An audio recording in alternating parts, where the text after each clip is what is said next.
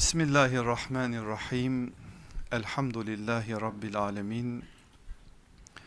Ve salatu ve selamu ala Resulina Muhammedin ve ala alihi ve ashabihi ve etbahi ecmain. Rabbimize hamdolsun bir cumartesi gecesine daha bizleri eriştirdi. Bu güzel ilim meclisine bizleri kavuşturdu. En başta sözün sahibi olarak daha doğrusu sözü yansıtan olarak Rabbim bana hakkı ve hakikati söyletsin, konuştursun. Sizlere de inşallah hak ve hakikat adına alabileceklerinizi daha da ziyadeleştirsin. Ve ne öğreneceksek, ne alacaksak ahiretimiz için, asıl hayatımız için yarın hesabını vereceğimiz o sonu gelen artık bir daha tekrarı olmayan o yeni başlangıç hayatı için bizlere azık olsun inşallah. Bahsimiz yönetim ahlakıydı ve bugün biz adalet meselesini biraz daha nübüvvet pınarından dersler başlığında işlemeye çalışacağız.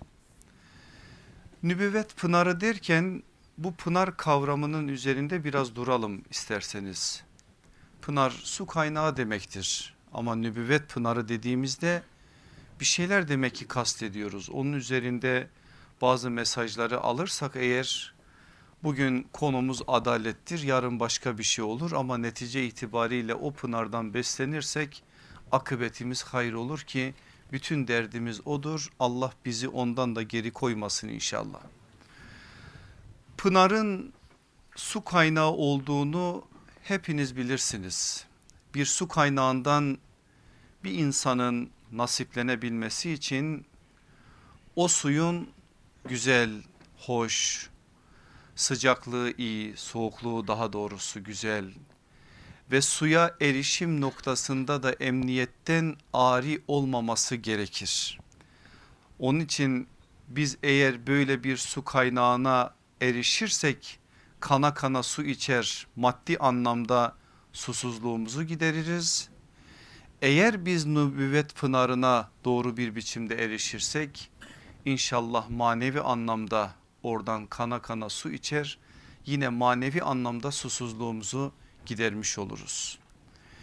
Bizler nübüvvet pınarını doğru bir biçimde tanımlarsak eğer bizim için ne anlam ihtiva ettiğini tam anlamıyla kavrarsak eğer şu hakikatlere ulaşırız. Nübüvvet pınarı Hazreti Peygamber'in o kutlu hayatını en sağlam ve en sahih bir şekilde öğreneceğimiz bir kaynaktır. Nübüvvet pınarı sünneti Muhammedi sallallahu aleyhi ve sellem en güzel ve en doğru bir şekilde anlayacağımız bir adrestir. Nübüvvet pınarı saadet asrını en tatlı ve en hoş bir şekilde kavrayacağımız bir zemindir. Nübüvvet pınarı peygamber yolunu en berrak ve en duru bir şekilde belleyeceğimiz bir mekandır. Nübüvvet pınarı aziz dinimiz olan İslam'ı en ideal ve en kamil bir şekilde zihinlerimize nakşedeceğimiz bir mastardır. Dolayısıyla nübüvvet pınarı deyince öyle nostalji olsun diye ya da geçmişi anarken hoş bir kelime bulalım da o manada isimlendirelim diye bir isimlendirmeyle hareket etmiyoruz. Zaten bizim asrı saadet dediğimiz o güzel dünyayla irtibatımız artık başka bir düzleme doğru kaymak zorundadır. Sadece biz bu işi bir vefa boyutunda da bıraktığımız zaman istifade edemeyiz. Sadece o işi güzel böyle ambalajı hoş kulağımıza hoş gelen cümlelerle söyleyip de asıl bizim dünyamıza aktaracağı mesajları gölgede bırakacak şekilde de anlayamayız. Dolayısıyla buradaki bu tespitlerde öylesine söylenmiş sözler olarak ne olur almayın. Bir yönüyle asrı saadetle peygamber dünyasıyla tabii ki sahabeyle bu manada irtibatlandırarak asıl almamız gereken mesajlara bir vurgu olarak anlayın ki ancak istifade etmiş olalım. Bu tanımlar çerçevesinde nübüvvet pınarına baktığınız zaman o pınarın en başındaki isimdir sallallahu aleyhi ve sellem Efendimiz. Ve onun mübarek ellerinde yetişen gerçekten de dinin anahtar kuşağı olan İslam'ın sahih bir biçimde kendilerinden sonra gelen nesillere hem intikalinde hem de muhafazasında Allah tarafından seçilmiş bir nesil olan sahabe kuşağını biz orada görürüz. Dolayısıyla biz nübüvvet pınarı dediğimiz zaman hem Efendimiz aleyhissalatü vesselamı hem de o mübarek çevrede bulunan o mübarek ellerde yetişen yetişmiş olan o güzel talebeleri kastetmiş oluruz. Biz bugün nübüvvet pınarından adalet diyeceğiz. Geçen derste de dediğim gibi biraz sahabe üzerinden öğreneceğiz. Adalet ve sahabe der demez aklımıza gelecek olan isim bellidir. Hazreti Ömer'dir. Zaten Hazreti Ömer'in üzerinden öğrenilir bu. Bu demek değildir ki başka sahabi efendilerimiz yok. Ben bir haftadır ne kadar zorluk çektiğimi bir size anlatabilsem o kadar çok örnek var ki hem Hazreti Ömer'in hayatında hem de diğer sahabi efendilerimizin hayatında.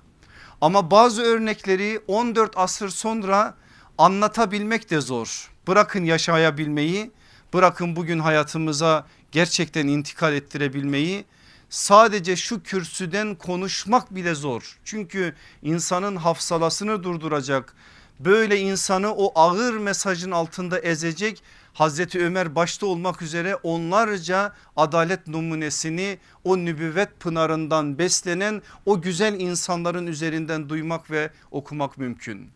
Biz Hazreti Ömer üzerinden bazı mesajları almaya çalışacağız. Biliyorsunuz 6 yıl geç gelmiştir.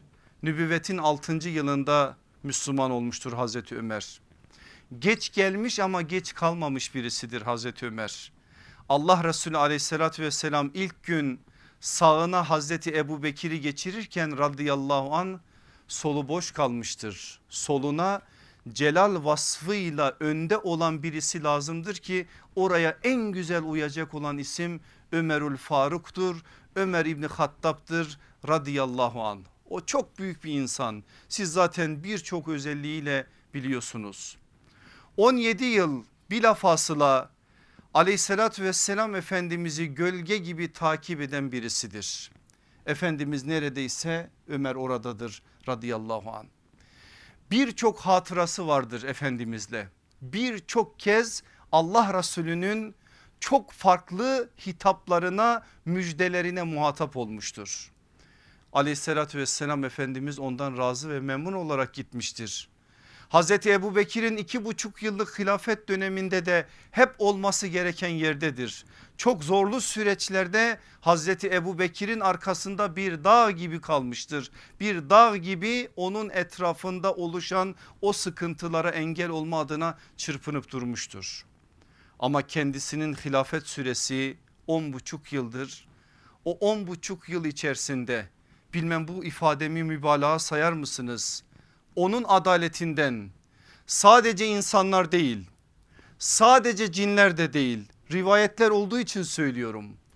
Sadece hayvanlar da değil sadece böcekler de değil varlık adına ne varsa Hazreti Ömer'in adaletinden nasiplenmiştir.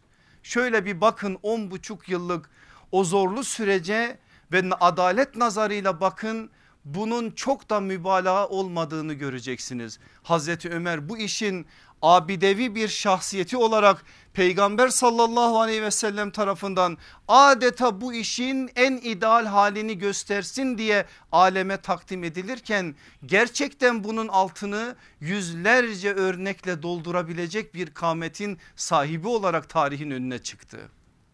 Çok şey söylenir şuradan başlayalım hilafete geçer geçmez öyle ağır şartlarda valilerini seçmiştir ki Hazreti Ali'nin döneminde kimse vali olmak bile istememiştir. Çünkü o seçerken zaten belli kriterleri vardır. Seçtikten sonra da Ömer'in gözlerinin önünde adım adım takip edilen birileri olmuştur. Hazreti Ömer'le Yani o halifeyken ona vali olmak her baba yiğidin harcı da değildir. Zaten Hazreti Ömer dönemindeki valilerin şöyle isimlerini alt alta yazıp okuduğunuz zaman o isimlerin neden o işlere görevlendirildiklerini de anlamış olursunuz. Dört şey istiyor valilerinden. Nedir o dört şey? Asla kapıcı kullanmayacaksınız. Ne için? Tebaanızla aranıza engel koymayacaksınız. Adalet bunu gerektirir. Hazreti Ömer adaleti valilerinin üzerinden yaparken bunu istiyor. Asla kapıcı kullanmayacaksınız. İkincisi lüks elbiseler giyip halktan ayrılmayacaksınız. Özellikle yönettiğiniz insanlara içlerinde bulunduğunuz zaman bakıldığı zaman sizinle onlar arasında bir ayrım olmayacak. Yani o cemaate girdi mi birisi kimdir bu cemaatin ya da bu ülkenin bu memleketin valisi fark etmeyecek. Kapıcı da olmayacak bu manada lüks elbiseler de olmayacak. Maaşla yetinip asla Beytülmal'e dokunmayacaksınız.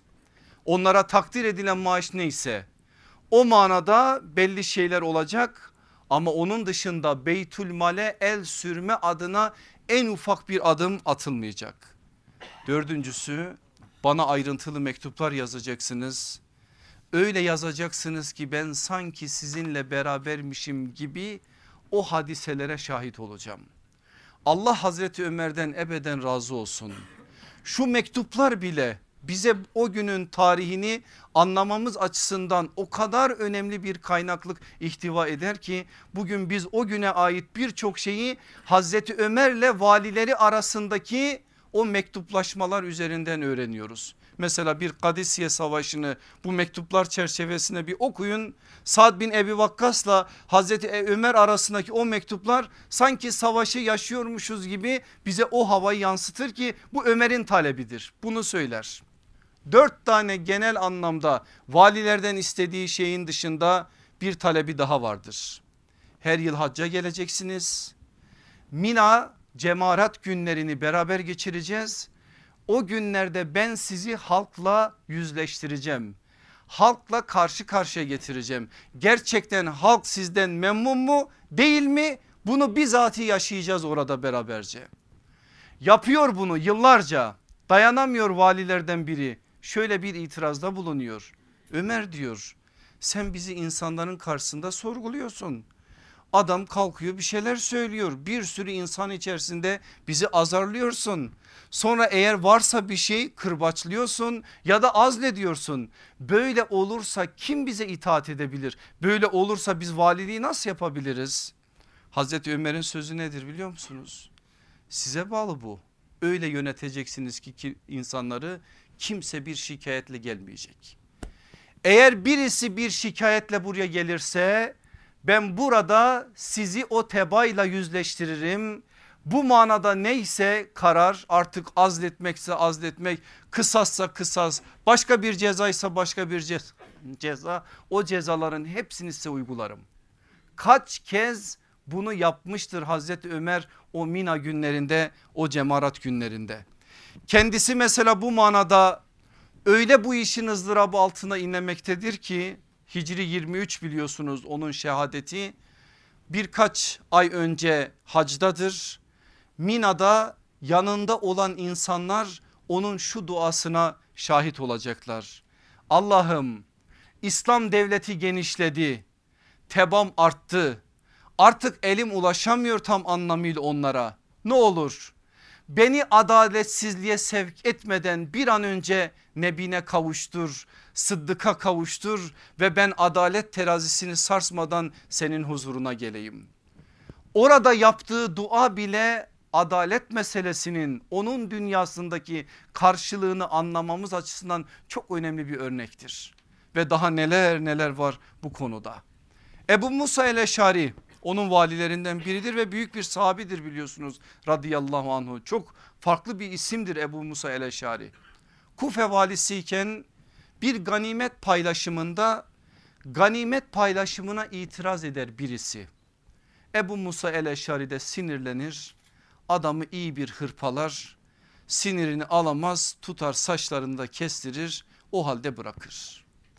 Adam kesilen saçlarını şöyle toplar bir şeyin içerisine Kufe'den kalkar Medine'ye gelir. Hazreti Ömer'in karşısına geçtiği zaman saçları bırakır Hazreti Ömer'in karşısına. Başını da göstererek senin valin bana böyle böyle yaptı diyerek Ebu Musa el Eşari'yi ona şikayet eder. Anında bir mektup yazar Ebu Musa el Eşari'ye. Selam üzerine olsun ey Allah Resulü'nün sahabisi. Falan oğlu falan bana şöyle şöyle söyledi. Beni de beni bu manada bazı şeylerden haberdar etti. Şimdi sana kesin emrim şudur. Eğer adama herkesin gözü önünde bu hakareti yapmış isen sen de herkesin gözü önünde otur adam aynısını sana yapsın. Eğer bunu az bir insanın yanında ya da kapalı kapılar ardında yaptınsa aynı şekilde sen de öyle yap o da sana bu kısası uygula, uygulasın. Senin o adamın itirazına böyle ceza vermeye hakkın yok. Ebu Musa el Eşari'ye bu mektup ulaşınca ne yapacak? Oturacak adamın önüne haberi gönderen Ömer'dir diyecek. Emir el müminindir o onun söylediğini yapacaksın. Ben sana nasıl yaptımsa aynısını bana uygulayacaksın diyecek ama adam hakkından vazgeçecek. O adaleti görünce Ömer'in bu manadaki adaleti tesis etme noktasındaki hassasiyetini görünce adalete bu manada itaat noktasında Ebu Musa el Eşari'nin hassasiyetini görünce vazgeçecektir. Ne yapacak biliyor musunuz aziz kardeşlerim Hazreti Ömer? Hazreti Ebu Bekir döneminde bu yok. Hazreti Ömer döneminde bu başlıyor. Yargıyla yürütmeyi birbirinden ayıracak. O zamana kadar buna ihtiyaç yok. Bir yere bir vali atamışsa o vali hem kadıdır hem validir. Ama Hazreti Ömer döneminde İslam coğrafyaları genişleyince kadılık müessesesini farklı bir alana kaydırıyor yargıyı bağımsız bir noktaya taşıyor. Vilayet görevini valide bırakıyor ama kadılık görevini başka bir şahsa özellikle de bu işleri çok daha iyi bilen bir şahsa veriyor ve valileri kontrol hakkını da kadılara bırakıyor. Burada bir yetki karmaşası yok. Sadece vali eğer tebasıyla yargılanma adına bir şey yaşarsa orada bağımsız bir biçimde yargılanabilecek bir zemin oluşturuyor. Ebu Musa el-Eşari'den bahis açtık ya ondan devam edelim. Ona yazdığı bir mektubu okuyacağım size. Satır satır her bir cümlesi aleyhissalatü vesselam efendimizin bir hadisine dayanıyor. Siz araştırdığınız zaman bunu göreceksiniz. İslam'da yargının adaletin bu manada usulü nedir? Nelere yaslanır? Bir mektup üzerinden bunu öğrenebiliriz. Allah hamd ettikten sonra salat ve selam bunları söyleyince Ebu Musa el-Eşariye diyor ki şunu bil ki adalet önemli bir yükümlülüktür. Huzurunda, refakatinde ve kararlarında halka eşit muamele et. Şu cümleye ne olur dikkat edin. Halka eşit bir şekilde muamele et ki zayıf olanlar adaletten ümit kesmesinler. İspat yükümlülüğü zayıf olanlar adaletten ümitlerini kesmesinler. Yüksek mevkide olanlar da kayrılmayı ümit etmesinler. İspat yükümlülüğü davacıya aittir. Bunun ne demek olduğunu sonlarda göreceğiz. İnkar edene yemin etmek düşer. Gayrı meşru olanı meşru meşru olanı gayrimeşru kılmamak şartıyla uzlaşmak caizdir. Eğer taraflar uzlaşmak isterlerse şart belli. Gayrimeşru meşru, meşruyu gayrimeşru kılmamak şartıyla uzlaşmak caizdir. Mütalaa ettikten sonra eğer önceki kararın hatalı görünüyorsa seni dünkü kararını değiştirmekten hiçbir şey men etmesin. Utanma.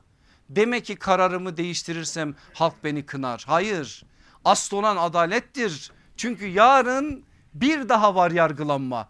O asıl yargılanmayı eğer düşünürsen bu dünyada utanmayı o dünyada utanmaya tercih edersin. Hazreti Ömer'in burada Ebu Musa el Eşari'ye söylediği ve dediğim gibi aslında kaynağı sünnet olan Allah Resulü sallallahu aleyhi ve sellem olan uyarıları böyle. Şüphede olduğun bir mesele hakkında Kur'an veya peygamberin sünnetinde uygulamasında bir şey bulamadığın zaman meseleyi, meseleyi tekrar tekrar düşün. Emseller ve benzer vakaları tefekkür et ve kıyas yaparak karar ver. Şahit göstermek isteyen şahıs için bir vade tespit edilmelidir. Eğer davanı ispat ederse davasını ispat ederse onun hakkını ver. Aksi halde dava reddedilmelidir. Dayak cezasına çarpıtılmış, çarp, çarptırılmış, yalancı şahitlik yapmış, miras ve nesepte şüpheli kişiler hariç bütün Müslümanlar şahitlik için güvenilirdir. Ama burada sayılanların şahitlikleri kabul değildir. Ebu Musa el-Eşari bunu alıyor ve bunun üzerine Kufe'de Irak coğrafyasında bir kadı bir yargı oluşturuyor ki gerçekten dost düşman herkese İslam'ın adaletinin ne demek olduğunu ortaya koymuş oluyor. Çok iyi biliyorsunuz Hazreti Ömer'in en önemli lakaplarından sıfatlarından daha doğrusu birisi Faruk'tur. Allah Resulü aleyhissalatü vesselam ilk gün verdi onu ona. Niye verildiğini de bir hatırlayalım. Biliyorsunuz Müslüman olma sürecini Darul Erkam'a doğru yürüyor. Kapıyı çalınca o gün içeride olan sahabe efendilerimizden bazıları korkuyorlar. Ama orada Ömer kadar dağ gibi bir cesareti olan birisi var. O da Hazreti Hamza'dır. Hazreti Hamza cesaret veriyor diğer Müslümanlara açın diyor. Eğer o Hattab'ın oğluysa ben de Hamza'yım. Hayra gelmişse ne ala şerre gelmişse onun kılıcı varsa benim de kılıcım var deyip içeriye alıyor. O Darul Erkam'a girer girmez Allah Resulü oturmuş orada. Efendimiz diyor ki bırakın diyor gelsin. Belinde kılıç gelip Allah Resulü'nün tam karşısına oturuyor. Efendimiz aleyhissalatü vesselam hiç kimseye yapmadığı bir şeyi yapıyor. Şöyle iki yakasından tutuyor Ömer'in bir sallıyor şöyle. Hakkı kabul edeceğin gün gelmedi mi ey Ömer diyor. O anda Hazreti Ömer'in dilinden şehadet cümlesi dökülüyor. Ömer'dir bu radıyallahu an. İman eder etmez şunu söylüyor Resulullah sallallahu aleyhi ve selleme. Ya Resulallah biz hep böyle mi kalacağız? Çıkalım Kabe'ye Mekke'nin sokaklarına hakka aykıralım. Bu manada biz İslam'ın izzetini o insanlara gösterelim. İmanıyla bu cümleyi söylemesi arasında fasıla yoktur. İşte o anda Allah Resulü diyecek Ömer diyecek sen Faruksun el Faruksun hak ile batılı dalalet ile hidayeti iman ile inkarı birbirinden ayıran bir kametin sahibisin. Böyle olduğu için adalet onda başka. Adaletin karşılığını zıttını geçen ders söyledik. Zulümdür Türkçe'de ama Arapçada cevrdir. Adaletin karşılığında cevri öyle bir ayırmıştır ki birbirinden dost düşman herkes onun bu manada yaptığına hayran olmuştur. Medine'nin kıtlık günlerinin birisinde bir deve kestiriyor. Dağıtıyor insanlara. O anda hizmetlisi de devenin böyle güzel bir yerinden alıyor bir parça et. Bol da yağlıdır. Araplar da, Araplar da sever yağlı eti. Güzel pişirir Hazreti Ömer'in önüne getirir. Bu et nereden diye sorar emir el müminin.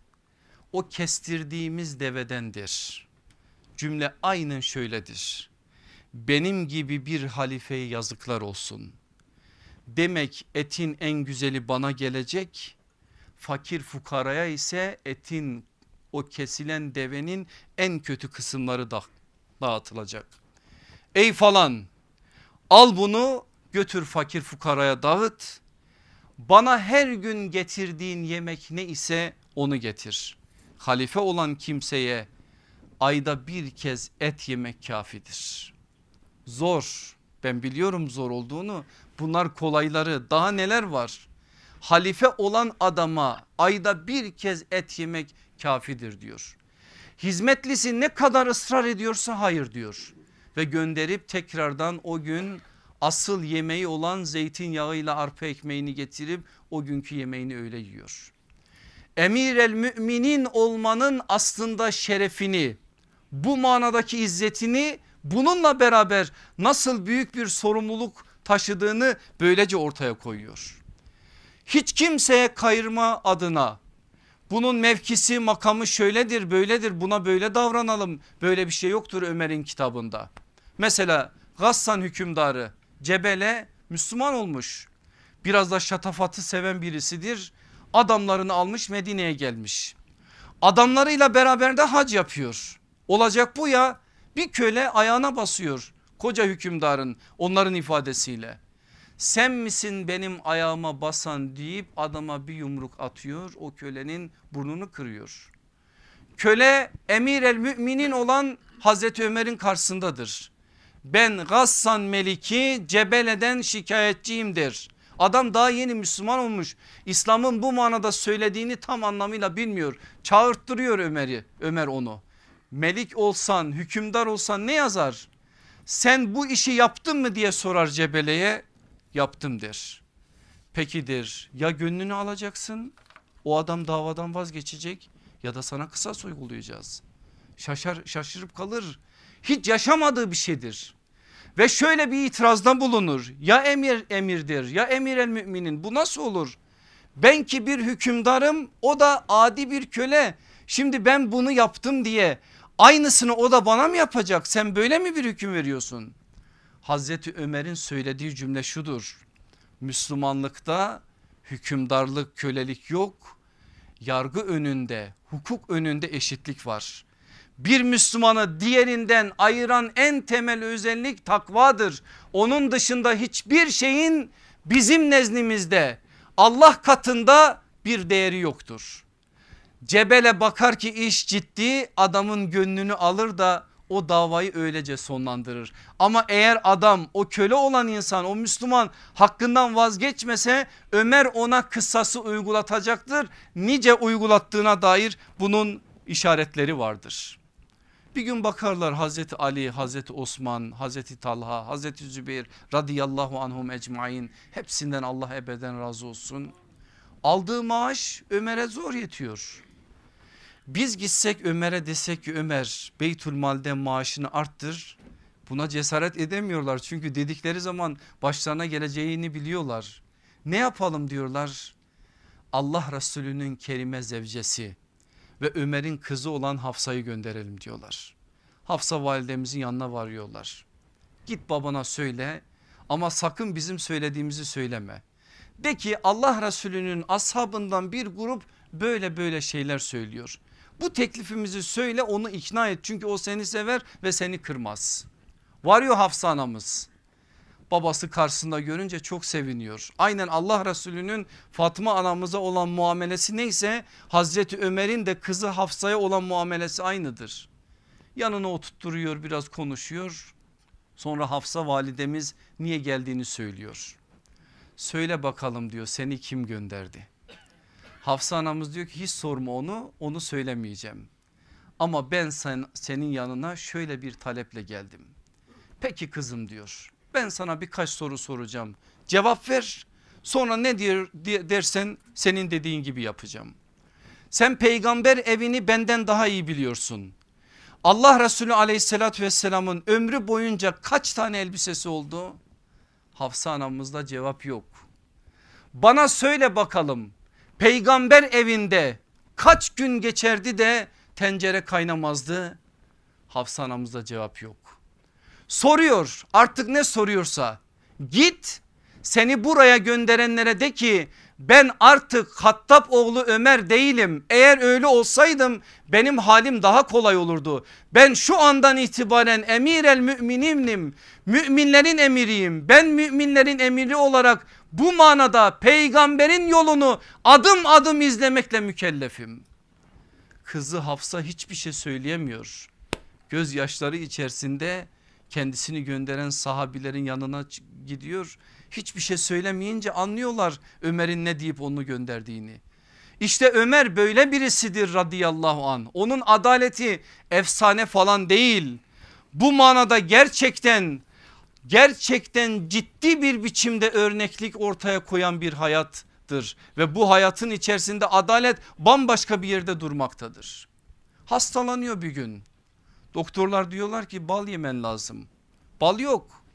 Pazarda caddede bal yok. Nerede var? Beytülmal'de var.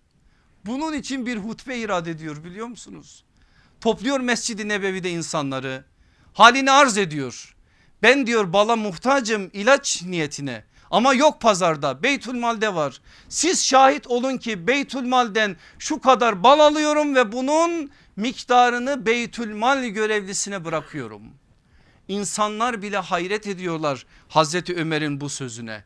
Çünkü Ömer adaleti kendisi yaşayıp kendi evlatlarına çocuklarına yakınlarına yaşatmasa adalet adına konuştuğu o sözlerin o günün dünyasında karşılık bulması mümkün müdür? Abdullah İbni Ömer onun oğlu Allah ondan da babasından da ebeden razı olsun. Bir deve devesi var Abdullah İbni Ömer'in. Beytülmal'e ait de develer var. Beytülmal'e ait develeri güden çobanla anlaşmış kendi devesini de Beytülmal develerin içerisine katmış. Deve tabi otlaklarda dolaştırılmış Beytülmal'e ait mallarla birlikte iyi böyle güzel bir hale gelmiş. Hazreti Ömer pazarı dolaşırken bu iyi etli olan deve gözüne çarpıyor. Kimin bu deve diye soruyor. Diyorlar ki senin oğlun Abdullah'ın. Hazreti Ömer öyle bir gadaplanıyor. İbni Ömer diyor bunu nereden bulacak? Böyle bir deve onun olmaz diyor. Çağırıyor oğlunu Abdullah İbni Ömer'i. Hayırdır diyor sen bu deveyi nereden buldun? O da rahat rahat. Baba diyor benim bir zayıf deve vardı ya onu Beytülmal'in develerinin içerisine kattım. Sağ olsun o çoban da iyi bakmış develerime bu hale getirmiş. Vay ne güzel diyor. Hem halife oğlu olasın hem de böyle bir iş edinesin. Deveni devlet çobanı otlasın. Devlet otlaklarında otlatılsın. Satınca da karı senin olsun. Yok öyle yağma. Otların parasını Beytülmal'e ödeyeceksin. Git birine sor. Bu deve biri tarafından otlatılınca çobanlık masrafı ne kadar? Ot masrafı ne kadar? Bunları tespit et bu parayı getir Beytülmal'e öde. Eğer ödemezsen o deveyi komple senin elinden alır Beytülmal'e bırakırım. Bunu Hazreti Ömer'den duyunca Abdullah İbni Ömer ne yapacak? Elbette ki aynısını yapacak. Bir gün hanımı Allah ondan da ebeden razı olsun Eğitil, e, e, ehli beytin sultanıdır Ümmü Gülsüm Hazreti Ali'nin kızıdır biliyorsunuz Hazreti Ömer'in de hanımıdır ehli beytle Hazreti Ali arasındaki Hazreti Ömer arasındaki münasebeti siz buradan anlayın bir elbise giymiş Ümmü Gülsüm anamız. Şöyle dolaşıyor Hazreti Ömer'in önünde ki eşi fark etsin hayırlı olsun desin. Ömer fark etmiş ama hiç oralı değil. Oradan geçiyor olmuyor buradan geçiyor olmuyor. En sona diyor yakıştı mı diyor. Sen diyor o yakışmayı boş ver de bunu nereden buldun onu söyle. Ben diyor görmemez diye geldim ama sen ille de yakıştı mı yakıştı mı söyle bakayım nereden buldun. Hediyeler gelmiş şuradan buradan almış. Biraz bana verdiğim parayı işte arttırdım aldım. Demek benim eve verdiğim para artacak kadar bir para öyle mi diyor. Tabi bunu söylediğine bin pişman oluyor Ümmü Gülsüm anamız ama Ömer'dir bu. Adaleti böyle bir adalettir onun. Hatırlamış olmanız lazım başka vesilelerle anlattım o örneği size. Yepyeni bir cübbe ile bir cuma günü cemaatin huzurundadır hutbeye başlarken ey Müslümanlar sözümü dinleyin ve bana itaat edin diyor. Biri ayağa kalkıyor. Kalkan ehli beytten manen sayılan Selman-ı Farisi'dir. Ey Ömer diyor emir el müminin değil. Ey Ömer ne seni dinleriz ne de sana itaat ederiz. Önce sen o üstündeki cübbenin bir hesabını ver. Dün hepimize dağıttın o kumaşı Hiçbirimiz o kumaşla bir kişilik cübbe edinemedik. Sen nasıl bir kişilik cübbe etmişsin giymişsin bunu ve karşımıza gelip müminlerin emiri olarak sesimi dinleyin ve bana itaat edin diyorsun. Vallahi onun hesabını vermeden ne seni dinleriz ne de sana itaat ederiz. Oğlum kalk diyor Abdullah İbni Ömer'e o cevap verecek. Diyor ki evet yarım şardı kumaş baktık ki olmayacak ben babama verdim kumaşı bir kişilik cübbeyi öyle çıkardı. Bu sözü duyunca Selman-ı Farisi ey müminlerin emiri diyor. Artık Ömer değil ey müminlerin emiri. Şimdi seni dinleriz ve sana itaat ederiz. İslam toplumu nasıl İslam toplumu olmuş? On buçuk yıllık o güzel süreçte nasıl peygamber günleri Ömer'in elinde yaşatılmış? Nasıl Fırat'ın kenarındaki koyunun keçinin bile derdi Ömer'in yüreğini yakmış? Nasıl İslam coğrafyalarının ta uç noktalarında kış günlerinde şöyle serpin buralara bir şeyler de İslam coğrafyalarında kuşlar aç kalmasın diye bir feryat Ömer'in yüreğini yakmış. Nasıl dost düşman herkes Ömer'in bu halini takdir etmiş siz buradan anlayın. Ömer'dir hali böyledir adalet onun dünya, dünyasında karşılığı böyledir. Kudüs fethedilmiş Ebu Ubeyde İbni Cerrah komutandır. Ama şehrin anahtarlarını ellerinde tutan rahipler, din adamları, Hristiyan din adamları vermiyorlar. Diyorlar ki biz kitaplarımızda okuduk. Evet burasını Müslümanlar, Araplar fethedecekler. Ama Kudüs normal bir şehir değil. Biz bu anahtarları sizin halifenizin avucuna bırakmak istiyoruz. Mektup yazıyor Ebu Ubeyde İbni Cerrah. Böyle böyle bir talepleri var. İstişare ediyor Hazreti Ömer meclisinde bulunan sahabilerle. Kimileri diyorlar ki gitme ne işin var biz zaten orayı kazandık. Ne dersek onu yapmak zorundalar. Kalkıp tam Medine'den Kudüs'e gidilir mi? Söz sırası Hazreti Ali'ye geliyor. Hazreti Ömer soruyor Hasan'ın babası senin fikrin ne? Gitmen lazım ey emir el müminin. Gitmen lazım. Kıyamete kadar gelecek olan Müslümanlara Kudüs'ün değer ve kıymetini öğretmek için gitmen lazım. Hemen hazırlık başlanıyor. Ufak bir kafile yanında bir hizmetlisi var. Beraberce yürüyecekler o yolu bir tek binekle.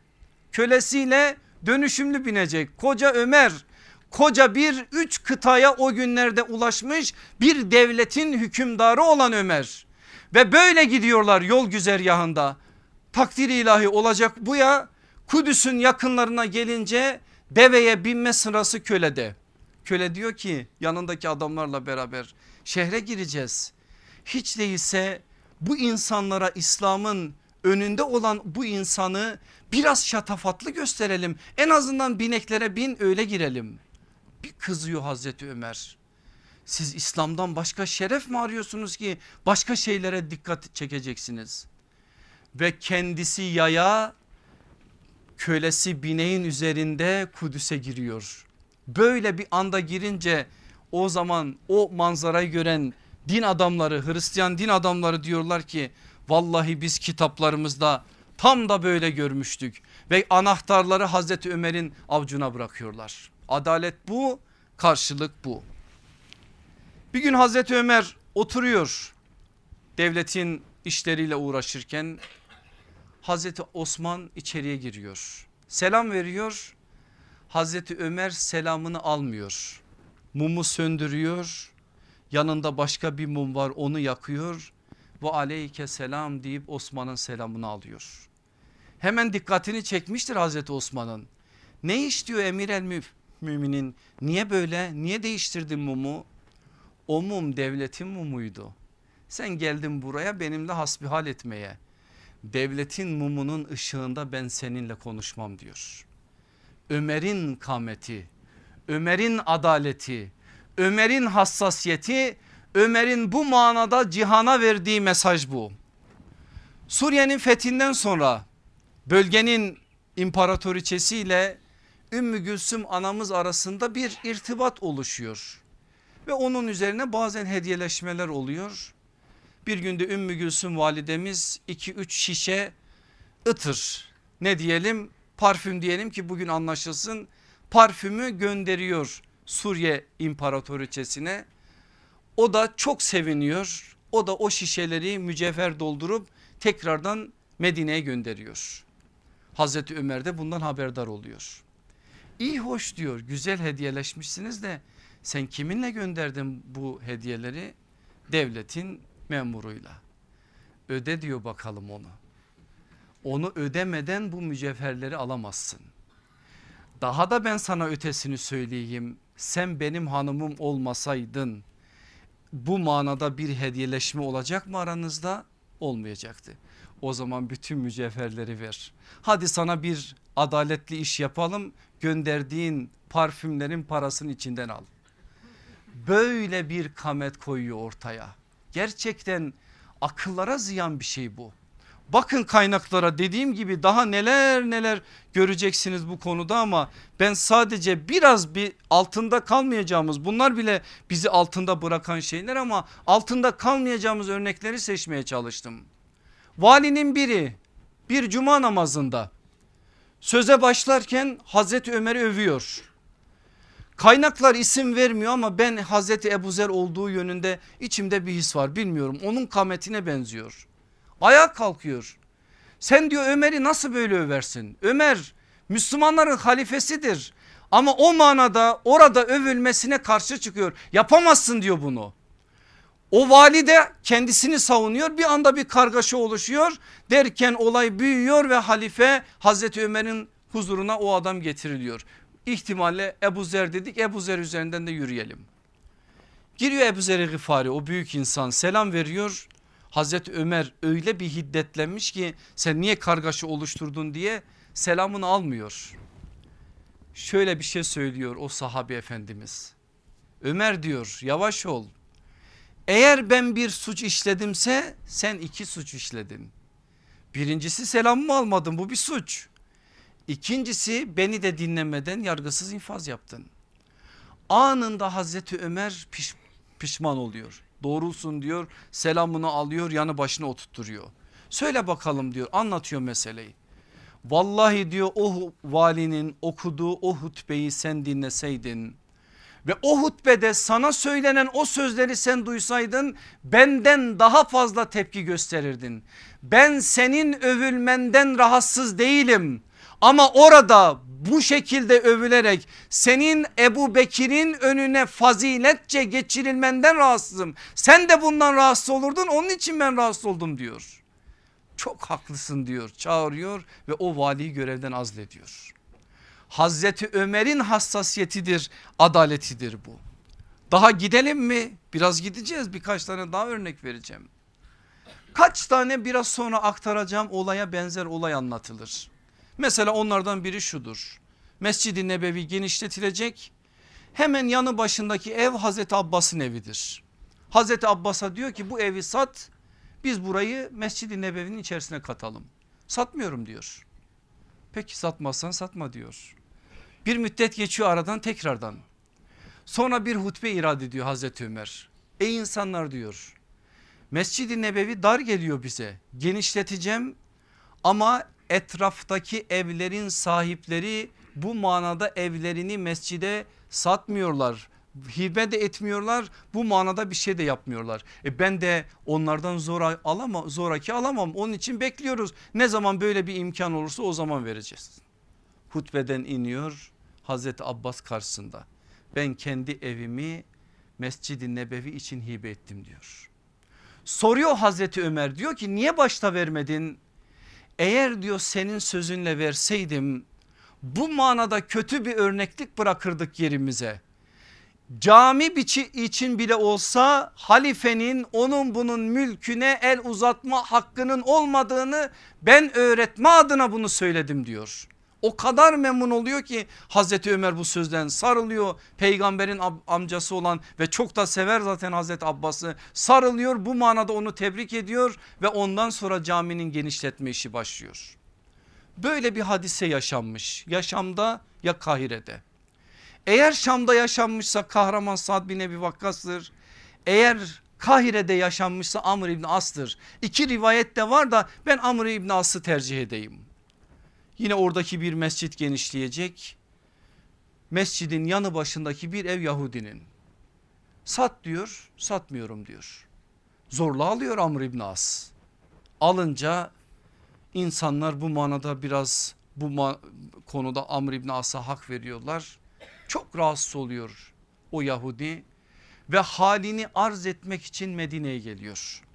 Peygamber aleyhissalatü vesselamın şehrine giriyor aklında şöyle bir şey var.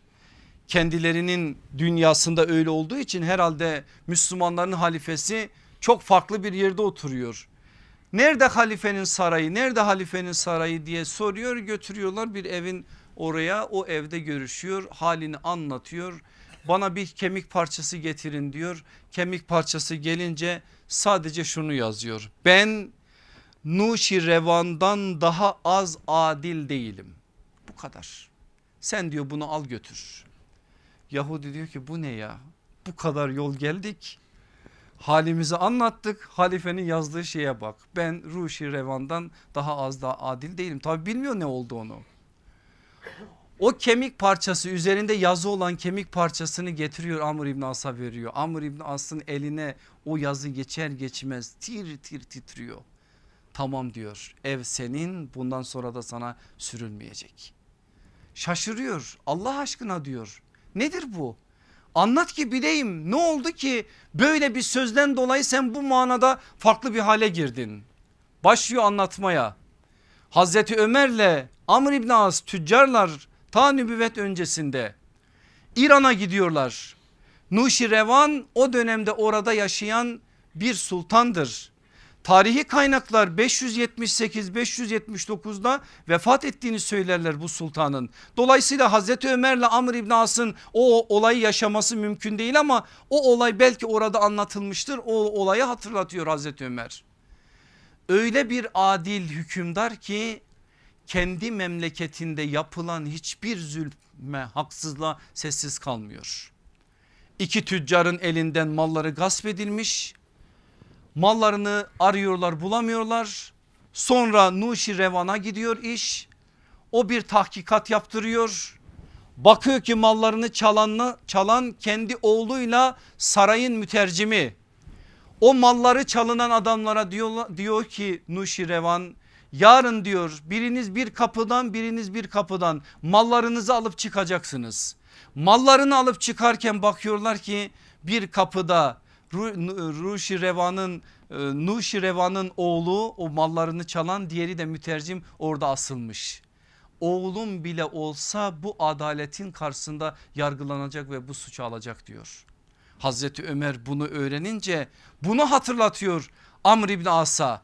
Sen diyor bunu hatırlamış olman lazım. Ben ki Ömer'im müminlerin emiriyim benim adaletim ondan az değildir diyor. Bunu söyleyince o olayı hatırladığından dolayı vazgeçiyor. Ve daha neler neler söylenir benim aziz kardeşlerim. Ben birkaç tane daha örnek vereyim size ama Hazreti Ömer'le hep olmasın. Anadolu'nun neresine giderseniz gidin şöyle attığınız her adımda rahmetle anacağınız bir sahabi efendimiz var o İyad bin Ganem'dir. Allah ondan ebeden razı olsun. Birçok yere iman tohumunu o ekmiştir o büyük bir insandır.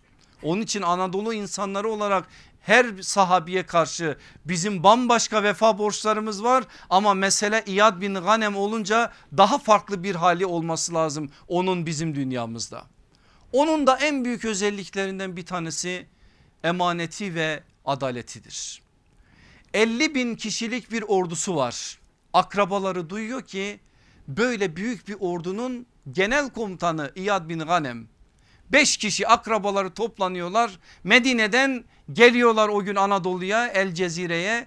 Biz diyor İyad bin Ganem'in yanına gidelim bize biraz bir şeyler yapsın bir şeyler ya bize versin. Akrabalarını karşısına görünce seviniyor. Alıyor onları o tutturuyor. Elinden gelince izzeti ikramda bulunuyor. Ertesi gün çıkıp gitmeye yakın gitme adına şeylerini söyleyince Elde avuçta bir şey yok. İyad bin Ganem o kadar büyük bir komutan ama o da diğer sahabi efendilerimiz gibi yaşıyor. Bir kölesini satıyor 50 bin dinara tutuyor onlara affedersiniz 50 dinara tutuyor onlara onar dinar hediye veriyor. Ey amcaoğlu diyorlar koca İyad bin Ganem biz böyle birinin yanına geldik sen bize sadaka verir gibi onar dinarla mı bizi Medine'ye göndereceksin? Vallahi yok diyor. Nasıl olmaz diyorlar. Koca bir ordu şu kadar hükümdarlık bu kadar şey siz böyle mi misafirlerinize bakacaksınız? Yok diyor adamlar anlamıyor. En son söz nedir biliyor musunuz? Siz herhalde benden Allah'ın malını çalmamı istiyorsunuz. Vallahi bilsem ki beni testereyle doğrayacaklar. Yine de bana ait olmayan bir tek dirhemi zimmetime geçirip devletin malına ihanet etmem. Ya bunu alırsınız ya da almazsanız çekip gidersiniz. Akrabalar bakıyorlar ki Yad bin Ganem çok ciddi. Bu sefer diyorlar ki tamam burada kalalım hiç değilse bize ufak tefek de olsa devlette görevler ver maaş alalım devletten. Siz benden ne istiyorsunuz diyor İyad bin Hanem. Bir şey istemiyoruz ki sen de Ebu Ubeyde İbni Cerrah'ın akrabası değil miydin? Ebu Ubeyde İbni Cerrah nasıl seni atadıysa sen de bizi ata. Sen bizi atadığın zaman Ömer ne diyecek? Allah'tan korkun demiyor onlara. Çünkü Allah'tan korksalar bunu söylemezler. Ömer'den korkun diyor. Vallahi Ömer duyarsa hem sizi hem beni bu coğrafyadan sürüp çıkarır. Çıkıp gidin ve bir daha da böyle bir taleple gelmeyin karşıma. Akrabaları zem ederek tenkit ederek eleştirerek İyad bin Ganem'i çıkıp gidiyorlar. Daha sonra Hazreti Ömer bu hadiseyi duyunca İyad bin Ganem'e niye bu komutanlığı verdiği konusunda kendisine itiraz edenlere bu işi örnek olarak gösteriyor. Benim aziz kardeşlerim adalet deyince İslam ilim tarihinin İslam tarihinin çok önemli isimleri var. O isimlerden bir tanesi de Kadı Şüreyh'tir rahmetullahi aleyh. Onun doğum tarihi miladi 600. Aslında sahabi olma imkanını yakalamış ama nasip Allah Resulü'nü görmemiş. Allah Resulü aleyhissalatü vesselamı görmediği için tabi'in neslinden sayılmış. 639'da 39 yaşlarındayken Hazreti Ömer onu vali kadı olarak atıyor Irak bölgesine. Hazreti Osman döneminde Hazreti Ali döneminde hep kadıdır. Hazreti Ali döneminden bir örnek vereceğim size. Hazreti Ali'nin zırhı çalınmış arıyor bulamıyor bir ara pazarda giderken bir de bakıyor ki Yahudi bir tüccar zırhı satıyor. Hemen varıyor yanına bu zırh benim diyor. Yahudi hayır diyor. Bak bu zırhın şurasında bir nişan var. Sana o nişanı göstersem inanır mısın? Hayır diyor. Gösteriyor yine ikna olmuyor. Kadıya gideceğiz diyor. Peki beraberce gidiyorlar kadıya. Anlat diyor kadı şürey. Hazreti Ali'ye emir el müminin olan Hazreti Ali anlat diyor nedir? Hazreti Ali anlatıyor. Şahidin var mı? Var diyor. Kim? Oğlum Hasan diyor. Ali diyor sen ne dediğinin farkında mısın? Senin kendi oğlundan şahit mi olur? Evin dışından bir şahit göstereceksin. Yok diyor. O zaman diyor zırh Yahudinindir. Hüküm böyle verilince Yahudi nasıl bir din diyor bu din? Ve orada şehadet getirerek Müslüman oluyor. Adalet böyledir. Nicelerinin yüreklerindeki o ön yargıları kırıp İslam'a imana ulaştırmıştır. Tarihte yüzlerce örneği var bunun. Biraz daha yakın bir zamandan bir örnek vereyim. Osmanlı'nın Şeyhülislamları içerisinde adı tarihe altın harflerle yazılması gereken bir isimdir. Zembilli Ali Efendi rahmetullahi aleyh çok büyük bir insandır. Soyu Fahrettin Razi'ye dayanır biliyor musunuz? Onun torunlarından sayılır.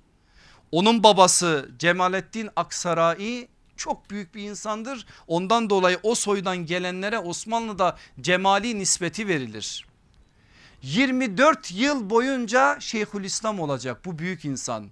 İkinci Beyazıt döneminde Yavuz döneminde Kanuni döneminde 24 yıl boyunca Osmanlı'nın zirve dönemlerinde olduğu zamanlarda bu insan bu büyük insan Şeyhülislamlık görevi yapacak. Niye ona Zembilli Ali Efendi demişler? Evinden aşağıya zembili sepeti sarkıtır.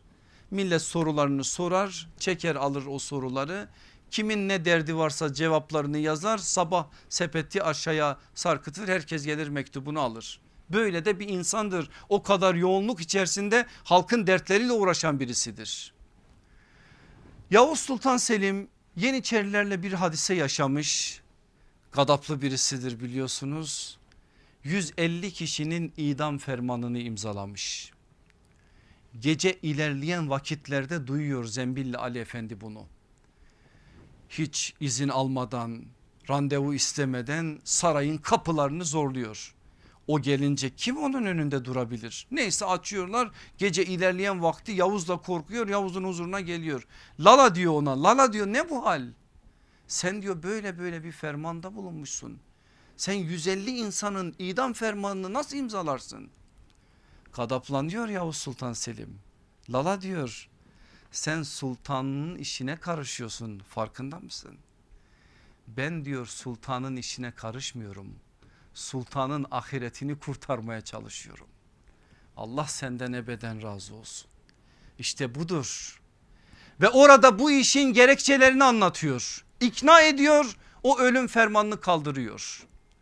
Yanında yöresinde böyle olacak insanların korkmayacak adalet neyse onu ortaya koyacak. Öyle olursa eğer hem kendi ahiretini hem de o yanında olan insanın ahiretini kurtaracak.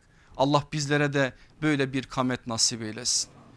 Canım kardeşlerim vakit geçiyor. Ben nübüvvet pınarından adalet dersleri deyip asıl konumuza geçeceğim. Şimdi anlattıklarım işin mesajıydı. Allah Resulü aleyhissalatü vesselam ders veriyor. Cihana bu konuda ciddi bir biçimde ders veriyor. Çok şey söylenir. Ben hızlı hızlı size 6 tane temel ders vereceğim. Hepsi de sünnette peygamber uygulamasında karşılığını bulan dersler. Nedir? Bakın İslam adalet deyince cihana ne söylüyor? Bir, suçun şahsiliği esastır. Kimse yakınlık derecesi ne olursa olsun başkasının suçundan dolayı yargılanmamalıdır. Dikkat edin ne olur Allah Resulü nasıl bir adalet anlayışı ortaya koyuyor. Suçun şahsiliği esastır. Kimse yakınlık derecesi ne olursa olsun başkasının suçundan dolayı yargılanmamalıdır. Benim babam suç işledi bana ne? İslam'a göre böyledir. Ben suç işlesem babamın ne suçu var? Şimdi ben suç işleyeyim bunun bedelini amcamın oğlu ödesin. Böyle bir şey yok. İslam böyle bir şeyin kapısını kapatır. Herkes suçu neyse o suçunun bedelini öder. Suç şahsidir bu konuda kimse kimsenin suçundan dolayı ne itham edilir ne de bu manada cezaya muhatap kılınır. Allah Resulü aleyhissalatü vesselam onun için diyor hiçbir suçlu başkasının suçunu çekemez. Yine başka bir hadiste kişinin babasının ve kardeşinin suçundan dolayı sorumlu tutulamaz diyor. Bir olay olmuş Medine'de. Beni Salebe İbni Yerbu isimli bir kabilenin Beni Salebe. Adamın biri cahiliyede birini öldürmüş. Sonra İslam döneminde kan davaları var ya bugün de az da olsa yine ne yazık ki var. Onun karşılığını başka birine ödetme adına Beni Salebe planlar yapıyor. Allah Resulü aleyhissalatü vesselam bundan haberdar olunca topluyor o kabileyi diyor ki siz ne yapıyorsunuz?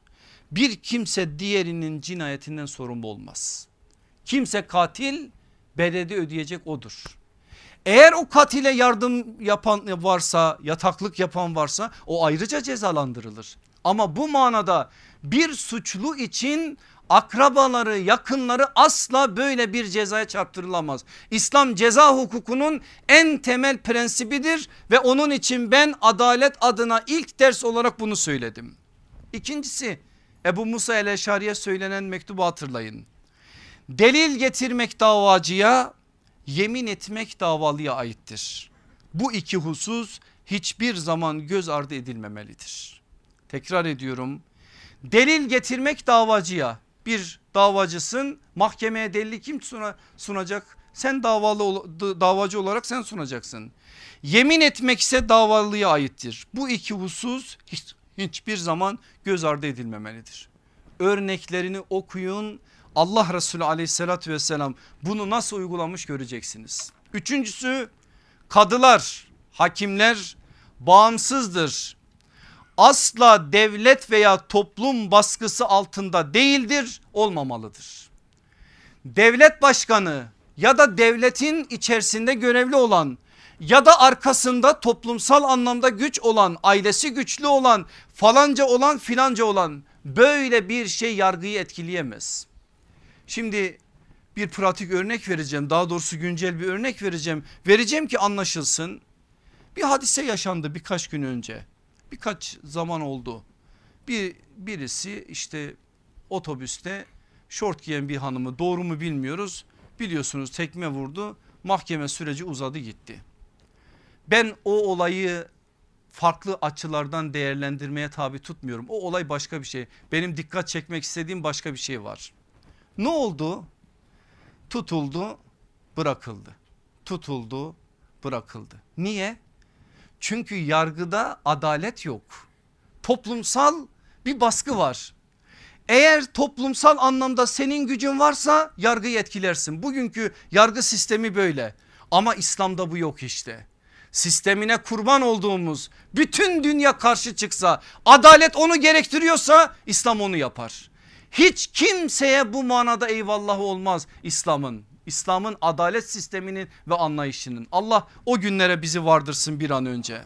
Dördüncüsü hukuk önünde herkes ama herkes eşittir. Hiçbir ayrıcalığa kesinlikle yer verilmemelidir. Onlarca örneği var bunun o örnekleri de size havale ediyorum. Beşincisi bakın çok önemli bir şey daha söyleyeceğiz. Daha doğrusu öğreneceğiz beraberce. İslam ceza hukukunda parça parça uygulamaya yer yoktur. Suça giden yollarda tedbir alınmazsa uygulanan cezalar haksızlığa dönüşebilir. Dikkat edin üzerinde biraz duralım bunun. İslam ceza hukukunda parça parça uygulamaya yer yoktur. Suça giden yollarda tedbir alınmazsa uygulanan cezalar haksızlığa dönüşebilir. Ne demek istiyor burada? Şimdi bir söz söylersem kınar mısınız beni ama Anadolu'da söyleniyor bu söz. Hepiniz bildiğiniz için ben de rahat söyleyeceğim. Affınıza sığınarak söyleyeceğim. Taşları bağla sal köpekleri. Var mı böyle bir şey İslam'da? Yok. Önce tedbir alacaksın. Şimdi ara ara bu memlekette tecavüz ya da başka hadiseler olunca idam tartışması konuşuluyor ve kısas gelsin deniyor. Masumane bir tartışma gibi gözüküyor bu. Bu doğru bir tartışma değil. Kısas gibi kendisinde hayat olan İslam'ın temel bir prensibini biz parça olarak bir şeye veremeyiz. İslam bir sistemdir. O sistem tam anlamıyla olmazsa bazen kısas uyguluyorum diyerek de zulme dönüştürebilirsiniz. Adam geliyor şimdi İslam'da İslam yönetiminde ne yapmış hırsızlık yapmış. Ne soruyor kadı? Önce o insana o şehrin hayat standardına göre maaş veriliyor mu verilmiyor mu? Eğer bu verilmiyorsa adam açlığa mahkum edilmişse sen ona had uygulayamazsın onun elini kesemezsin. Hazreti Ömer'den dedim bir örnek vereyim size. Geliyor birisi. Hırsızlık yapmış efendisi kölesini şikayet ediyor. Hazreti Ömer de dinliyor. Evet hırsızlık yapmış nisap miktarını geçmiş dolayısıyla eli kesilmesi gerekecek. Ne diyor Hazreti Ömer? Uygulayın diyor. Köle diyor ki dur ya emir el müminin bir sor bakalım bana ne kadar maaş veriyor? Soruyor ne kadar? 10 dirhem. O gün için Medine'deki maaş oranı 25 dirhemdir. Hazreti Ömer diyor ki al git diyor bu köleni ve ona 25 dirhem bundan sonra maaş ver. Adam itiraz ediyor. Bak diyor kafamı bozma senin elini keserim. Sen bu adamı hırsızlığa mahkum etmişsin. Buna standart dışında bir maaş verirsen yapacağı budur. Bakın İslam'daki sistemi görüyor musunuz? Bu manada tedbir alınmadıktan sonra cezanın arttırılmasının bir anlamı yok. Bu adalet değil Allah korusun bu zulme dönüşecek bir şey. Sen bu memlekette fuhuş adına iffetsizlik adına her şeyi söyle her şeyi yap televizyonlar bunu söylesin sokak bunu söylesin ondan sonra kalk kısas adına bir şeyi konuş bu yanlış bir şey bu doğru bir yoldan hareket değil önce olması gereken olacak sonra diğeri olacak burada Allah Resulü aleyhissalatü vesselamın hayatından aldığımız cezaya ait olan en temel mesele olarak mesaj da budur altıncısını da söyleyeyim. Verilen karara uymak ve bu konuda ahiret hesabı hatırlanarak hareket etmek çok mühimdir. Dikkat edin muhataplara bu bilinci kazandırtmak İslam toplumunun en temel vazifesidir. Bunu da tekrar ediyorum. Verilen karara uymak ve bu konuda ahiret hesabı hatırlanarak hareket etmek çok mühimdir. muhataplara bu bilinci kazandırtmak İslam toplumunun en temel vazifesidir. Hatırladınız mı geçen ders Bukhari'den aktardığım hadisi? Allah Resulü bir davaya hüküm verdi sonra dönüp ne dedi? Sizin içinizden biri dili iyi kullanabilir. Delillerini de iyi getirip beni ikna edebilir. Ama eğer biriniz haksız bir şeyi eğer buradan alıyorsanız siz o tarafa cehennem azığı götürüyorsunuz. Vücudunuzdan bir parça koparılmış bir halde oraya gidiyorsunuz. Bunu deyince iki sahabi de haklarından vazgeçiyorlar. Bu bilinç uyandırılmalı toplumda. Bu bilinç uyandırılmazsa eğer sadece mesele mahkemelere bırakılırsa yine biz bu adaleti sadece kitaplardan okumuş olacağız. Allah bize bu manada yardım etsin ve bir an önce o adalete bizleri vardırsın inşallah. Aziz kardeşlerim son bir hadis aktaracağım size. Hadisi bize birkaç hadis kitabı naklediyor. İmam Aciluni Keşful Kafa'da bu hadis hakkında biraz tenkitler de dile getiriyor. Hatta zayıf olduğunu senet itibariyle çok zayıf olduğunu söylüyor. Ama bu hadisi destekleyen başka hadisler olduğu için ben bu hadisi aktarmak istiyorum size. Kısaca aklınızda rahat tutabileceğiniz bir hadis. Ne diyor biliyor musunuz sallallahu aleyhi ve sellem Efendimiz? Kim zalime yardım ederse Allah o zalimi o yardım edene musallat eder. Bir daha söylüyorum. Kim zalime yardım ederse Allah o zalimi o yardım edene musallat eder. Bir şekilde o zalimin elinden de cezasını çeker. Allah bizi zalimlerin yanında kılmasın. Ne kadar acıtırsa acıtsın her daim bizi hakkın yanında yer alanlardan etsin. Bedeli ne olursa olsun adalet ne ise o adaleti ortaya koyma adına bizlere yardım eylesin. Son söz Akif'imizin sözü olsun mu? Olsun. Zulmü alkışlayamam.